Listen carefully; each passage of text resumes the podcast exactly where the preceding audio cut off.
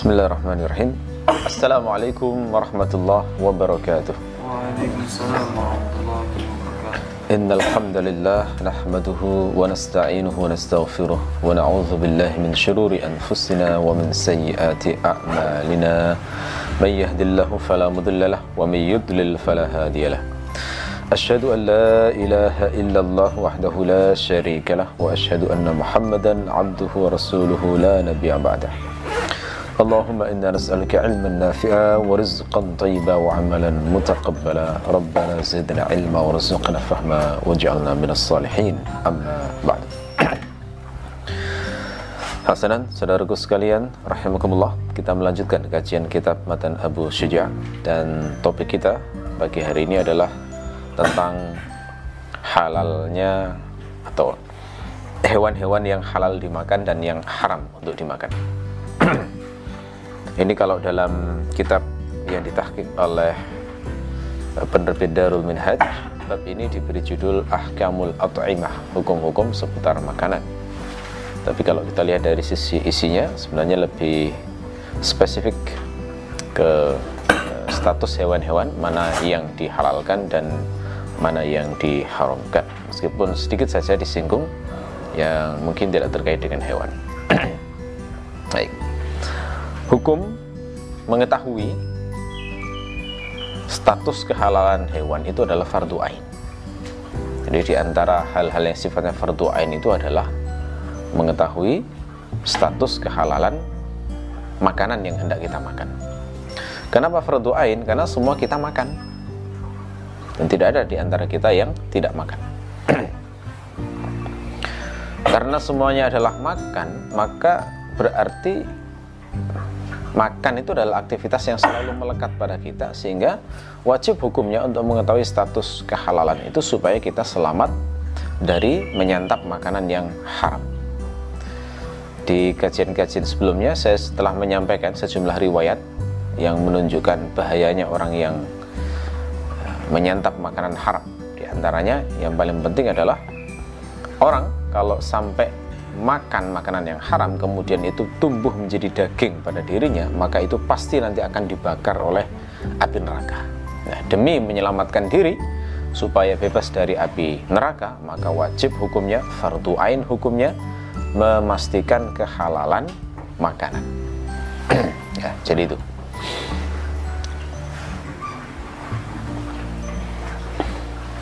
Al-Hisni berkata pada Kifayatul Akhir, Talabul halal fardu ain, li'annal lahman nabit minal haram annar awla bihi kama ja'a khabar. Mencari yang halal itu hukumnya fardu ain. Karena daging yang tumbuh dari makanan yang haram, maka api neraka lebih layak baginya sebagaimana disebutkan dalam hadis. Nah ini ya, ini yang saya terangkan tadi, ini dasarnya.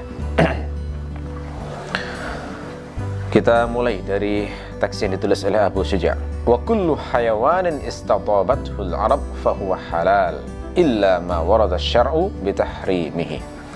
Semua hewan yang dianggap baik oleh orang-orang Arab maka hukumnya adalah halal kecuali yang dinyatakan oleh syariat keharamannya. nah, jadi ini berbicara tentang status kehalalan hewan terlebih dahulu ya kata Al-Hisni sesungguhnya hewan itu intinya ada tiga macam. Apa saja itu? Yang pertama adalah yang haram dimakan. Yang haram dimakan ini tidak dibedakan apakah bangkai ataupun disembelih secara syar'i tetap haram. Karena status hewannya sendiri sudah haram. Ya seperti babi misalnya. Babi itu haram.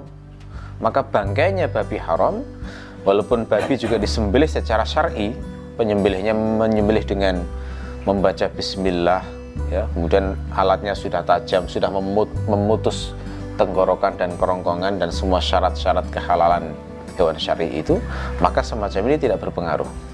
Bangkai maupun zabihahnya ya ini hasil sembilan syar'inya tetap haram. Ini jenis yang pertama. Jenis yang kedua adalah yang halal dimakan.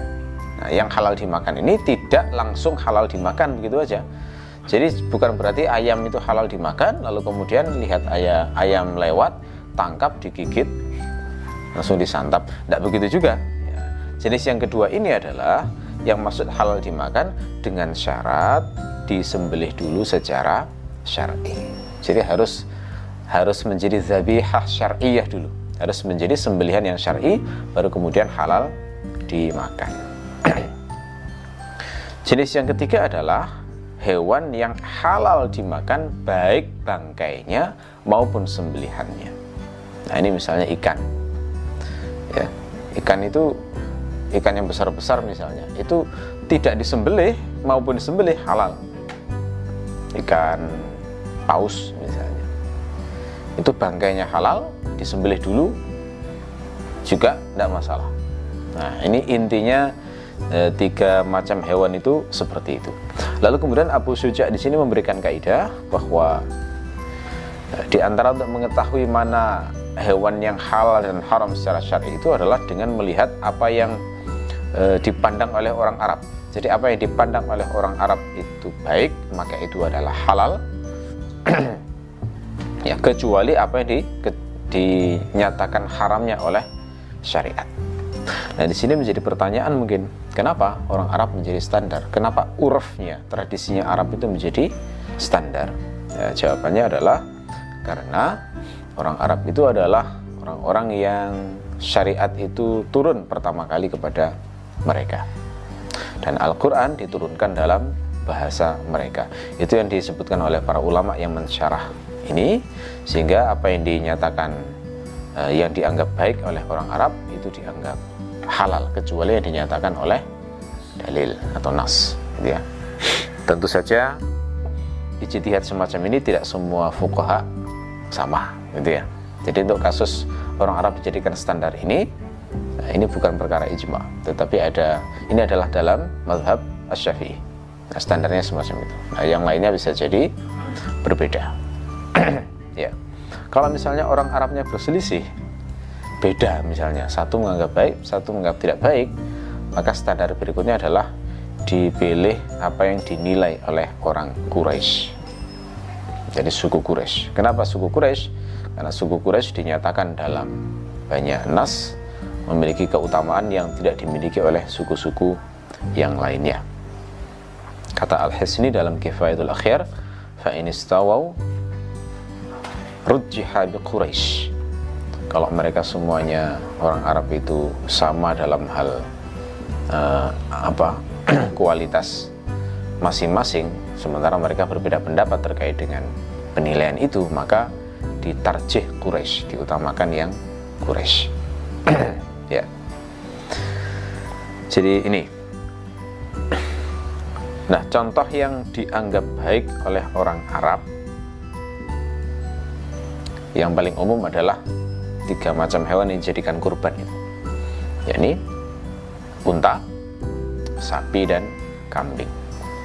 Nah, termasuk juga hewan-hewan yang mungkin menurut kita itu kurang lazim yakni daging kuda.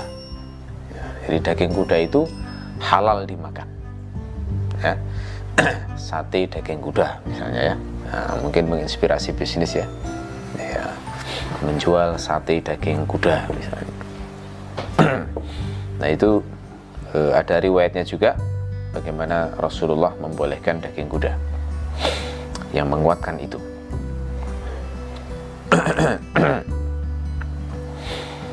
Kemudian Abu Sujak melanjutkan, melanjutkan wa kullu hayawanin istakhbathathul Arab wa kullu hayawanin istakh basathul arab fahuwa haramun illa ma warada syar'u biibahatihi. Setiap hewan yang dianggap buruk oleh orang Arab maka hukumnya haram kecuali yang dinyatakan oleh syariat kemubahannya. Oh ya, sedikit yang lupa tadi saya sampaikan. Kecualinya tadi itu contohnya apa?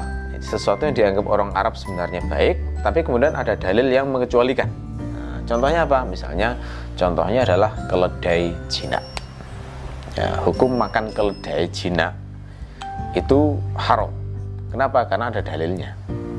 Jadi kalau menurut hukum, kalau menurut standar awalnya itu e, keledai itu sama dengan kuda sebenarnya statusnya. Ya, bagi menurut orang Arab dipandang orang Arab sama. Tetapi karena ada dalil yang e, mengharamkan keledai Cina, maka keledai Cina statusnya menjadi haram. Itu yang dinyatakan dalam hadis riwayat Al-Bukhari dari Jabir bin Abdullah beliau berkata, "Nahan Nabi sallallahu alaihi wasallam yaum Khaybar an luhumil khumur wa rakhasa fi luhumil khayl." Nabi Shallallahu Alaihi Wasallam melarang pada perang Khaybar daging keledai, maksudnya keledai Cina, al-humur al-ahliyah, gitu ya. Berarti kalau keledai liar, nah boleh jadi. keledai yang ditemukan di eh, hutan misalnya. Jadi yang Cina itu yang maksudnya di perkampungan yang digunakan untuk kendaraan atau ngangkut barang di zaman dulu, nah itu yang dilarang oleh Nabi dimakan.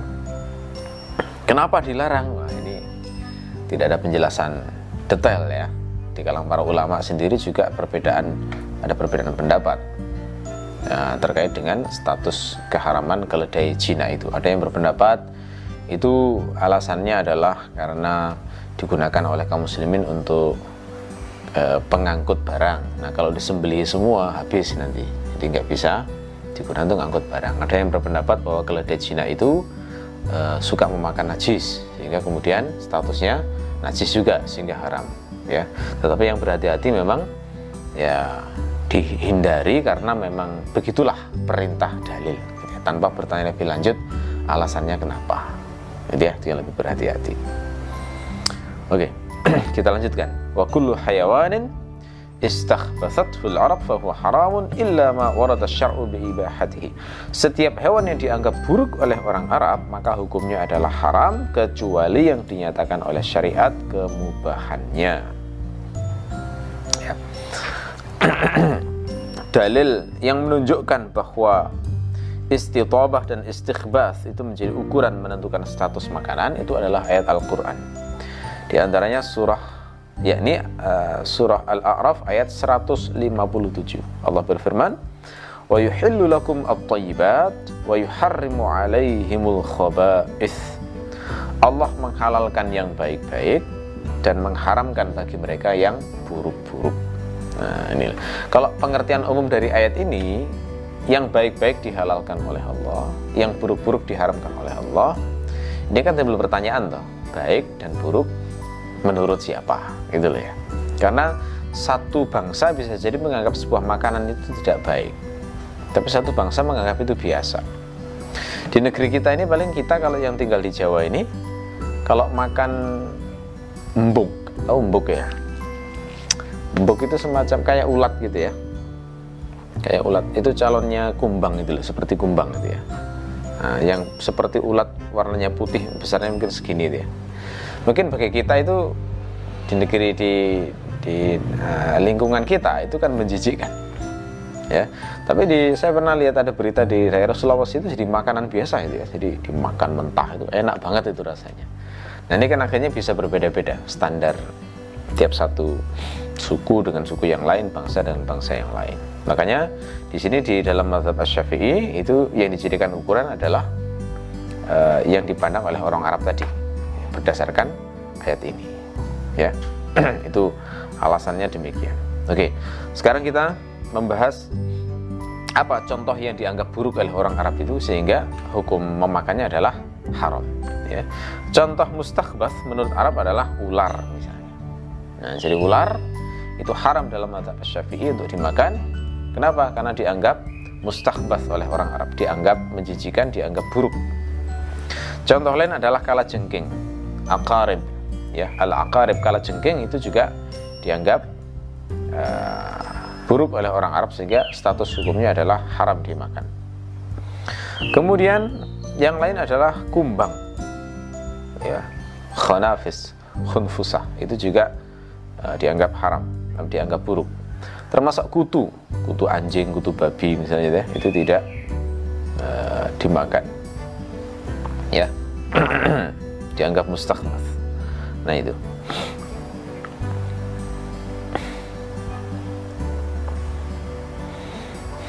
Ya kecuali yang dinyatakan oleh dalil illa ma warada syar'u bi ibahatihi. Kecuali yang dianggap eh, kecuali ada dalil yang menunjukkan bahwa itu memang boleh.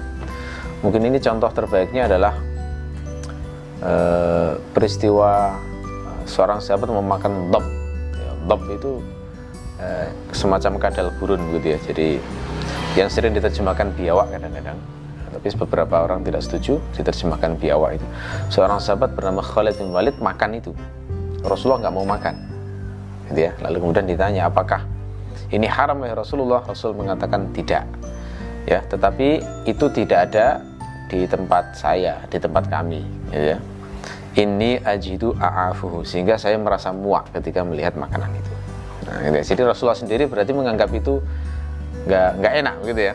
Tetapi beliau menegaskan itu boleh dengan bukti bahwa Khalid bin Walid dibiarkan untuk memakan itu. Ya. Jadi ini ini adalah e, kaidah yang pertama. Jadi standarnya adalah apa yang dipandang atau urufnya orang Arab.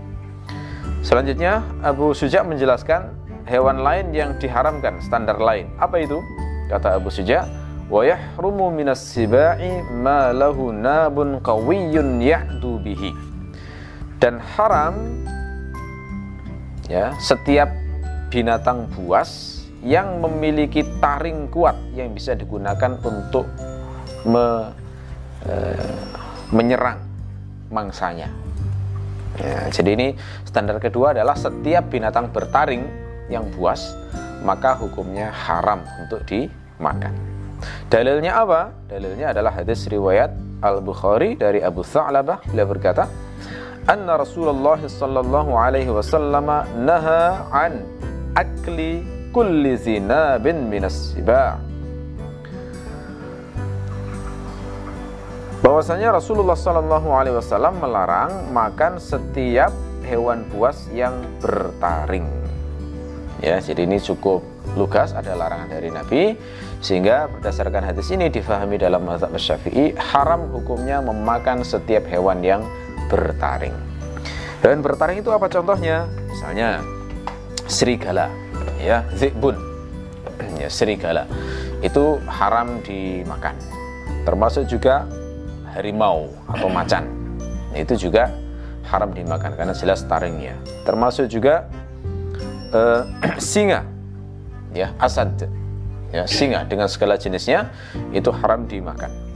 Termasuk juga anjing ya anjing di mazhab syafi'i haram dimakan karena bertaring juga. Termasuk juga dubun beruang ya beruang juga haram dimakan dubun karena bertaring itu termasuk juga kirdun. Apa? Monyet, monyet. Ya monyet kerak ya, semua yang semana dengan itu nah, itu haram dimakan juga. Mungkin ada ya orang yang menjual daging monyet ya. Nah itu di mazhab syafi'i haram. Termasuk juga fil gajah. Ya, jadi gajah itu dianggap bertaring juga. Mungkin gadingnya itu yang dilihat ya sebagai nabun. Ya gajah haram termasuk juga timsah. Buaya. Jadi buaya di mazhab syafi'i uh, haram. Uh, halal kalau di uh, pendapat ulama yang lain ya. Di sebagian ulama Saudi itu ada yang menghalalkan uh, buaya itu sehingga sempat viral ya. Uh, ada buaya guling gitu ya. Dikasih bumbu-bumbu itu. Dengan nasi kebuli katanya ya oke okay. Termasuk diharamkan di masa Syafi'i adalah az-zirafah. Jerapah. Yang lehernya panjang itu ya. Nah, jerapah itu diharamkan juga. Termasuk juga Ibnu Irsin. Ibnu Irsin itu cerpelai.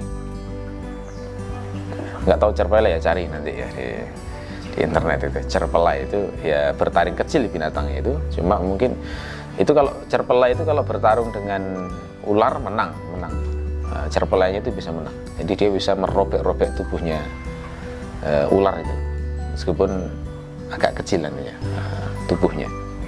Termasuk juga sinaur kucing.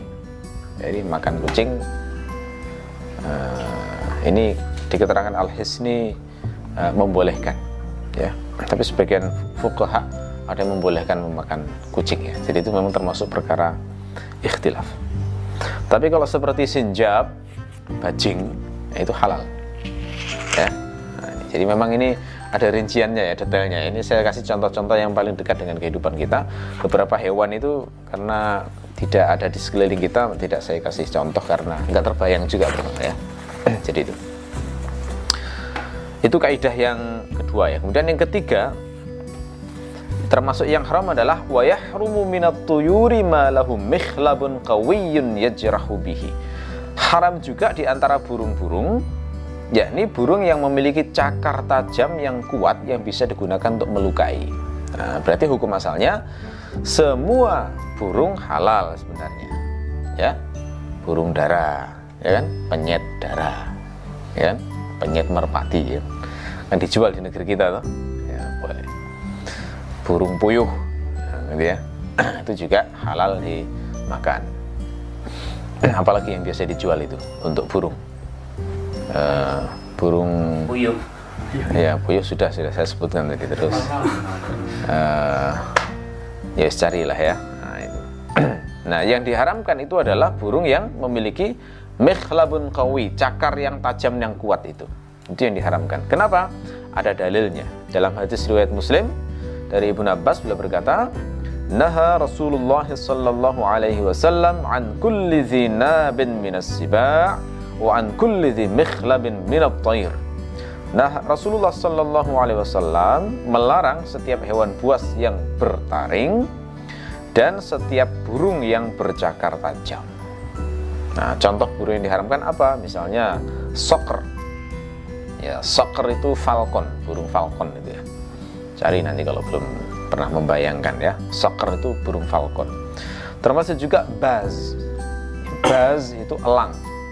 Ya, burung elang kan jelas ya cakarnya tajam bahkan bisa membunuh dengan cakarnya itu termasuk juga syahin ya, syahin itu alap-alap ya burung alap-alap ya, termasuk juga nasr nasr itu burung nasar ya, nama lainnya burung pemakan bangkai jadi biasanya makannya itu nunggu sampai jadi mati, mati dulu setelah jadi bangkai baru kemudian dimakan. Nah itu burung nasr namanya. Ya biasanya di di Tibet atau di mana itu kan ada satu kelompok masyarakat yang uh, tidak pernah memakamkan orang yang mati tetapi mayatnya itu diletakkan di atas gunung gitu ya. Nah itu biasanya ketika diletakkan situ ada beberapa burung yang sudah menunggunya. Nah itu burung nasr biasanya. Burung uh, pemakan bangkai. Nama lainnya burung herring ya itu haram dimakan. Termasuk juga had'ah. Had'ah itu atau hada'ah ya ini burung layang-layang. Ya burung layang-layang. Termasuk juga burung raja wali. Itu kan bercakar pacar ya tajam ya. Demikian pula gagak. Tapi kalau gagak ini di mata syafi'i dirinci gagak yang diharamkan itu gagak yang uh, yang ini yang punya sifat semacam ini. Ada ada gagak yang yang katanya boleh uh, ya ini ketika yang paruhnya berwarna merah atau bagaimana gitu ya? Karena makanannya bukan uh, apa makanannya bukan tidak tidak tidak bercakar tajam atau bagaimana begitu ya penyebabnya. Ya jadi ini itu kaidah yang ketiga ya. Nah selanjutnya kemudian Abu Suja menjelaskan kasulil muttar fil makhmasah an yakula minal maitah al muharramah ma yasuddu bihi ramaqahu. Halal bagi orang yang terpaksa karena lapar yang sangat untuk memakan bangkai yang diharamkan yakni untuk menyelamatkan nyawanya. Nah, jadi semua tadi itu haram betul. Tapi ada kondisi istisna ada kondisi pengecualian ada exception di sana yakni pada saat orang itu terpaksa. Terpaksa itu adalah khawatir mati gitu loh ya. Kalau misalnya nggak makan barang haram itu nanti mati nah baru boleh makan yang diharamkan. Jadi orang misalnya tersesat di hutan nggak bisa berburu. Terus hanya tahu ada bangkai babi di situ misalnya. Sudah bangkai babi lagi gitu ya. Haramnya akan double ya, gitu ya. apakah boleh makan itu? Nah boleh. Untuk menyelamatkan nyawanya. Contoh lain dipakai para fukuha itu misalnya orang makan misalkan makan geduk ya. Nah, geduk ini kan jenis makanan yang kalau dimakan cepat membuat orang itu jadi keseretan bahasa Jawanya. Apa itu bahasa Indonesia nya ada bahasa Indonesia untuk keseretan. Bukan tersedak ya tersedak kan uh, begitu ya. Keseretan itu kan ada makanannya masih di kerong belum turun gitu loh. Sehingga itu bisa membuat orang itu kalau nggak bisa bernapas bisa mati. Ya kan? Nah misalnya nyari air nggak ada. Yang ada cuma homer ya, aneh juga ya tapi orang muslim kok ketemunya cuma homer. Ya mungkin saja ya pas mampir uh, di sebuah bar. Lo ngapain mampir di bar? Ya nah, mungkin mampir di bar memperbaiki listriknya nah, bisa jadi ya. Nah, banyaklah kemungkinan semacam itu. Lalu kemudian nggak menemukan air kecuali homer itu. Bolehkah diminum? Boleh untuk menyelamatkan nyawanya. Itu contoh lain yang dipakai oleh para fukaha menunjukkan kondisi terpaksa Bahkan kondisi terpaksa ini juga bisa dipakai pada kasus orang itu sakit parah yang khawatir mati. Itu disamakan dengan ini. Ya, makanya ini bisa dipakai untuk fatwa-fatwa. Contohnya misalnya orang punya sakit jantung lalu kemudian butuh transplantasi jantung yang ada cuma dari babi misalnya. Bolehkah itu? Boleh. Gitu ya. Boleh. Jadi tidak tidak harus misalnya belum ada di dunia kedokteran untuk menyelamatkan nyawa itu belum ada bahan yang bisa menggantikan babi misalnya. Nah, maka itu boleh. Kaidahnya begini. Ini kan untuk menyelamatkan nyawa tuh sama kasusnya untuk menyelamatkan nyawa. Jadi Islam itu man sangat ini ya sangat mudah diterapkan gitu loh. Jadi nggak nggak nggak kaku-kaku amat gitu. Jadi ini kan sebenarnya menguji ketakwaan tapi dalam kondisi untuk orang yang terpaksa diutamakan menyelamatkan nyawanya. Jadi kalau dengan alasan ketakwaan lalu kemudian membiarkan diri mati untuk situ itu malah nggak bener ya. Malah bertentangan dengan dalil-dalil yang lain. Menjaga nyawa itu lebih diutamakan. Gitu ya. Jadi sebenarnya ini sebenarnya juga bisa menjadi jawaban ya kasus-kasus vaksin yang sempat di di apa namanya berdebatkan itu. Kenapa susah-susah dibahas selama belum ada penggantinya? Tidak masalah itu sebenarnya. Karena itu kan untuk kepentingan menyelamatkan nyawa sekian ribu orang gitu ya. Jadi banyak hal yang diselamatkan dengan itu. Jadi tidak masalah gitu. Bahkan kalau kata Al Hisni bukan sekedar uh, khawatir mati saja, sekedar khawatir bertambah sakit misalnya ya. Tambah sakit tambah parah, nggak sampai mati, hanya sekedar khawatir sakitnya semakin parah itu saja sudah dibolehkan. Nah, ini mungkin menjelaskan apa yang pernah dilakukan oleh para sahabat, oleh sebagian sahabat yang melakukan keharaman karena khawatir sakitnya tambah parah. Apa itu misalnya? Misalnya kasusnya Abdurrahman bin Auf dan Az-Zubair bin Al-Awwam. Mereka itu memakai baju yang terbuat dari sutra. Padahal laki-laki kan haram pakai baju terbuat dari sutra. Tapi oleh Rasulullah diizinkan. Kenapa? Karena mereka itu kalau pakai baju yang bukan sutra itu gatal. Kulitnya tidak kompatibel dengan kain-kain yang kasar. Nah, jadi harus halus itu kayaknya. Kalau nggak halus seperti sutra, gatal-gatal itu sangat menyiksa. Makanya Rasulullah mengizinkan. Nah itu kan berarti nggak sampai mati itu levelnya, tapi hanya menambah sakit saja, ziyadatul marad. Itu boleh semacam itu. Bahkan, nah ini juga menarik juga, kuatir inqita urufqah. Jadi kuatir ketinggalan rombongan Nah itu juga dibolehkan makan yang haram. Jadi maksudnya begini, orang melakukan suatu perjalanan, lalu kemudian uh, dia itu andaikan untuk uh, makan uh, yang halal, dia harus misalnya harus uh, mencari dulu sehingga baru dapat yang makan, ya sehingga baru dapat uh, makanan yang halal itu, ya. Nah kalau dia mencari nanti resikonya adalah ditinggal rombongan safarnya dan kalau ditinggal nanti dia tersesat gitu ya. Maka dalam kondisi itu andaikan yang ada di depannya hanya yang haram boleh makan yang haram itu demi untuk biar nggak ketinggalan rombongan. Jadi seperti ini ya. Jadi jangan sampai e, salah paham dengan konsepsi ketakwaan. Jadi ketakwaan itu prakteknya tidak mungkin tidak se ya, sekaku yang kita bayangkan. Jadi ada dalam fikih itu ada kondisi-kondisi yang begitu sangat memudahkan. Itu sesuai dengan ruh dari ajaran Islam.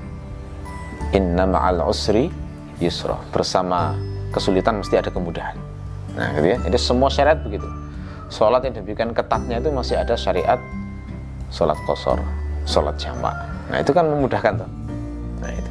Yang harusnya berdiri boleh duduk kalau nggak mampu.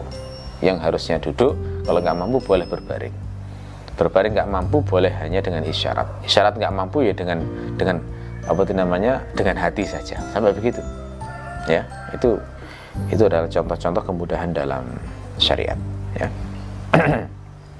Apa dalilnya kondisi terpaksa ini menjadi dibolehkan? Dalilnya adalah uh, surah Al-Maidah ayat 3. Allah berfirman, "Faman ittara fi makhmasatin ghairu mutajanifin lil ismi fa innallaha ghafurur rahim." Barang siapa yang terpaksa karena kelaparan dan dia tidak condong pada perbuatan dosa, maka sesungguhnya Allah Maha Pengampun lagi Maha Penyayang. Jadi Quran sendiri yang memberi pengecualian kasus orang yang terpaksa.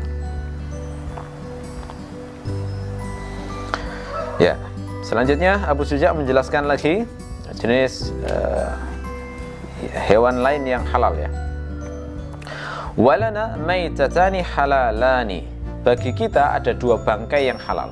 Nah, jadi hukum asalnya semua bangkai kan haram. Dikecualikan dua bangkai. Apa itu? As-samak wal jarad ikan dan belalang. Ya, apa dalilnya? Nanti saya bacakan. Ya. Tapi dalam mazhab Syafi'i ada beberapa hewan yang hidup di air yang diharamkan. Di antaranya difda, kodok. Nah, kodok haram dalam mazhab Syafi'i. Yang kedua, nah ini mungkin agak mengejutkan, as-saratan, kepiting. Ya. Jadi kepiting dalam mazhab Syafi'i haram ya ini di, dijual di warung-warung di restoran-restoran banyak ya jual kepiting ini dalam mazhab syafi'i haram ya di di mazhab yang lain eh, memang ada yang berfatwa halal tapi kalau di kalau misalnya mazhab syafi'i kepiting ini termasuk yang diharamkan. Ya oke. Okay. mungkin beberapa orang lah wah enak ya gimana itu? Gitu ya.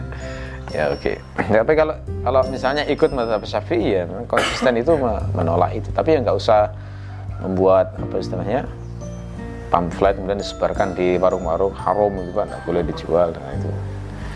Ya, bisa jadi ya, beliaunya mengikuti pendapat ulama yang menghalalkan ini termasuk ikhtilaf ya jadi tidak nggak seperti babi yang jelas haramnya gitu ya jadi nggak usah terlalu eh, apa tidak usah terlalu lebay dalam urusan ini.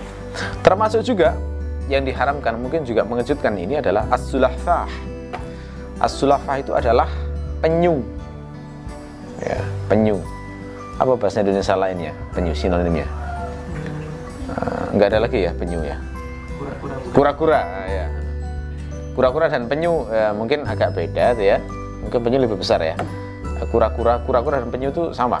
Ya, diterjemahkan dari sulafah itu haram juga hukumnya ya saya jadi ingat masa kecil dulu itu eh, sempat ada pesta makan penyu itu ya di di sekolah ya saya enggak belum belum ngerti masa kecil ya masih mungkin usia 6 atau 7 tahun itu ya. Oke jadi itu ya. Ini pengecualian untuk hewan yang hidup di air itu seperti itu. Adapun darah yang dihalalkan wadamani halalani. Ya ada dua darah yang dihalalkan yakni al-kabid wattihal yakni hati dan limpa. Ya hati dan limpa itu kan memang mirip darah beku ya di dalam tubuh itu ya. hati dan limpa itu. Tapi itu statusnya jelas halal itu didasarkan pada hadis riwayat Ahmad dari Ibnu Umar Rasulullah bersabda uhillat lana maitatani wa damani fa ammal maitatani fal hut wal jarad wa amma damani fal kabid wal tihal dihalalkan bagi kita dua bangkai dan dua darah. Adapun dua bangkai, maka itu adalah ikan dan belalang. Adapun dua darah, maka itu adalah hati dan limpa. Ya, jadi itu. Itu penjelasan beberapa hal-hal yang hewan yang diharamkan dan yang dihalalkan. Adapun untuk jalalah, ya, jalalah itu statusnya adalah makruh dalam madhab Syafi'i. Apa itu jalalah? Jalalah itu adalah hewan yang makan najis ya beberapa hewan itu dihidupi dengan makanan itu kadang campur yang najis yang paling umum di negeri kita itu adalah lele ya lele itu beberapa uh, beberapa peternak itu sengaja ngasih makan kotoran ya biar gede-gede gitu ya jadi sengaja kadang-kadang ada lele yang dipelihara di septic tank ada ya ya jadi iya dan memang jadinya gemuk sekali ya jadi nggak tahu itu nutrisi untuk dari septic tank itu kayaknya bagus sekali untuk lele sehingga besar-besar. Ya. Nah, yang semacam ini lelenya sendiri kan halal sebagai ikan kan ya. tapi karena dia makan najis maka statusnya menjadi jalalah nah, dan lele itu adalah ikan yang dijual banyak di warung kan? Ya, penyet lele. Nah, ini. dan lele ini kalau semacam itu dari peternaknya maka hukum memakannya statusnya adalah makruh. Jadi halal tapi makruh itu loh ya. Halal. jadi nggak bukan makanan haram itu tetapi makruh karena status najisnya itu. Kalau fatwanya Al-Ghazali haram ya tapi kalau di madhab Syafi'i setelah diteliti An-Nawawi yang sesuai dengan kaidah dan usul fikih Syafi'i ini statusnya nggak sampai haram statusnya makruh ya. Jalalah itu menjadi halal kembali jika dikarantina.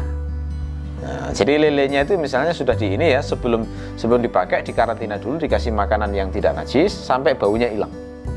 Begitu sudah hilang maka halal sudah. Sudah nggak makruh lagi gitu ya Nah, untuk mengkarantina itu berapa lama? Nah, ini bidangnya anak peternakan ini yang harus tahu ya. Nah, peternakan harus ngerti banget itu. Bahkan kalau perlu jadi skripsi atau apa gitu ya.